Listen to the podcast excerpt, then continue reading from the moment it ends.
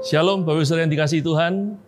Kita bersyukur hari ini bisa berjumpa kembali dalam Pastor Message dan saya ingin sharing satu kisah tentang Yosua Saudara, ya. Kita tahu setelah Musa meninggal Saudara, maka Yosua melanjutkan apa yang jadi tugas Musa untuk membawa bangsa Israel memasuki tanah perjanjian. Dan kita tahu hal itu adalah bukan suatu tugas yang mudah, karena sekarang Yosua harus melakukannya tanpa Musa lagi. Selama ini Musa yang memimpin Yosua dan bangsa Israel, tetapi kali ini Yosua yang harus memimpin saudara.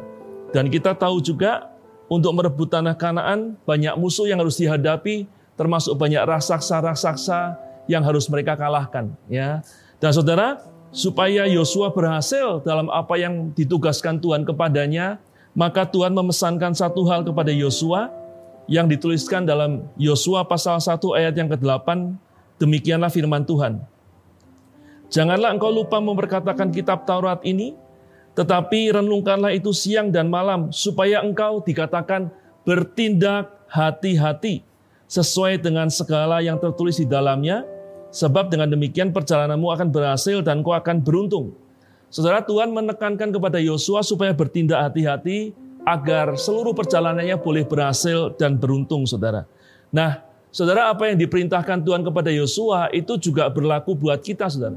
Kalau kita mau perjalanan kita berhasil dan kita beruntung, saudara, menggenapi rancangan Tuhan dalam hidup kita, maka kita juga harus bertindak hati-hati. Nah, bagaimana sih bertindak hati-hati itu, saudara? Saya mau mengajak kita untuk belajar dari dua tokoh Alkitab. Yang pertama, mari kita belajar dari Musa.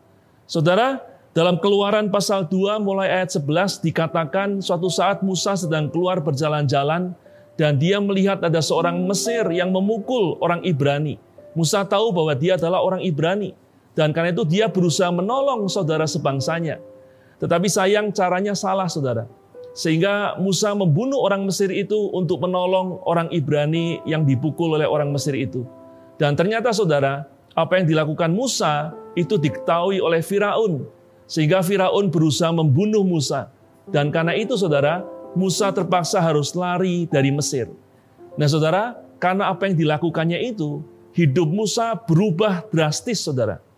Dikatakan dia dari anak putri Firaun, dia menjadi seorang pelarian di Midian, saudara. Ya, dia dari seorang pejabat tinggi di Mesir, dia hidupnya berubah akhirnya hanya menjadi gembala kambing domba. Itu pun kambing domba milik mertuanya, bukan miliknya sendiri.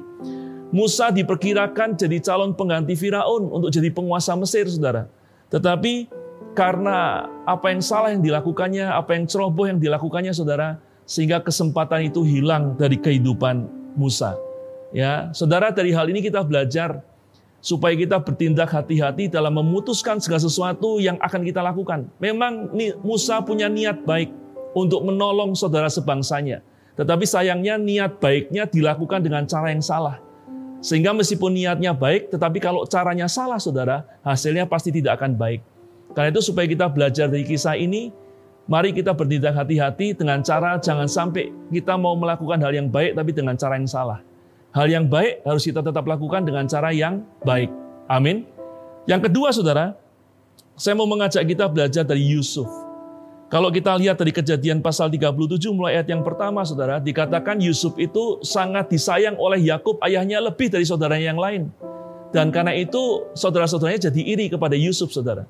Dan suatu saat dikatakan Yusuf mendapatkan mimpi yang dari Tuhan memang. Ya, mimpi itu berkata bahwa dalam mimpi itu Yusuf melihat bahwa semua saudaranya, bahkan ayah dan ibunya akan sujud menyembah dia. Saudara, mimpi ini memang dari Tuhan, saudara. Tetapi sayangnya Yusuf tidak bijaksana dalam menceritakan hal itu.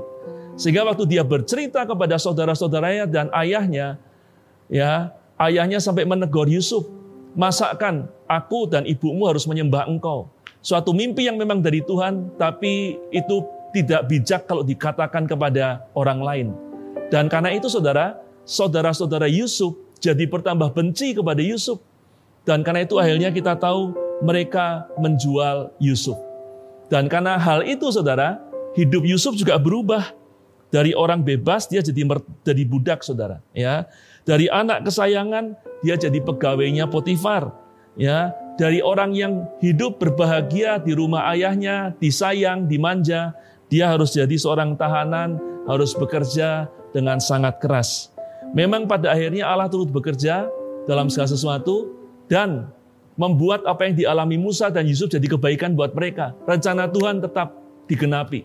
Tetapi Musa dan Yusuf sempat kehilangan momen-momen dalam hidupnya di mana sebenarnya mereka sudah mengalami segala hal yang baik. Karena itu sekali lagi, kita harus belajar dari Musa dan dari Yusuf supaya kita harus bertindak hati-hati dengan kita menjaga perbuatan dan perkataan kita. Jangan sampai niat yang baik kita lakukan dengan cara yang salah.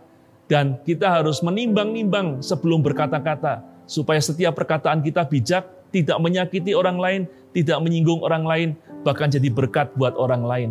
Dan saya percaya saudara, kalau ini kita lakukan, kita sedang melakukan apa yang Tuhan perintahkan kepada Yosua, yaitu supaya kita bertindak hati-hati.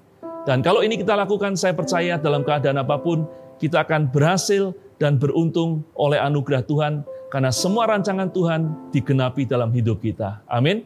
Nah, itu melalui pastor message hari ini, saya mengajak kita untuk mari sama-sama bertindak hati-hati dengan apa yang mau kita lakukan dan apa yang mau kita bicarakan. Dan saya berdoa, biar kita semua menikmati kebaikan kemurahan Tuhan. Mari berdoa bersama dengan saya supaya kita bisa melakukan apa yang Tuhan firmankan kepada kita hari ini. Haleluya. Tuhan kami sepakat berdoa, mohon pertolonganmu roh kudus, supaya kami bisa melakukan apa yang kami dengar dari firman Tuhan hari ini, biar kami boleh bertindak hati-hati dalam segala apa yang kami lakukan dan kami katakan, supaya apa yang Tuhan rancangkan dalam kehidupan kami, semuanya boleh berhasil dan kami boleh beruntung untuk kemuliaan nama Tuhan. Terima kasih. Kami serahkan hidup kami ke dalam tanganmu. Di dalam nama Yesus Kristus, kami berdoa dan bersyukur. Haleluya. Amin. Nah saudara demikian Pastor Meset hari ini. Biar jadi berkat buat kita semua. Sampai jumpa dalam kesempatan berikutnya. Tuhan memberkati dan shalom.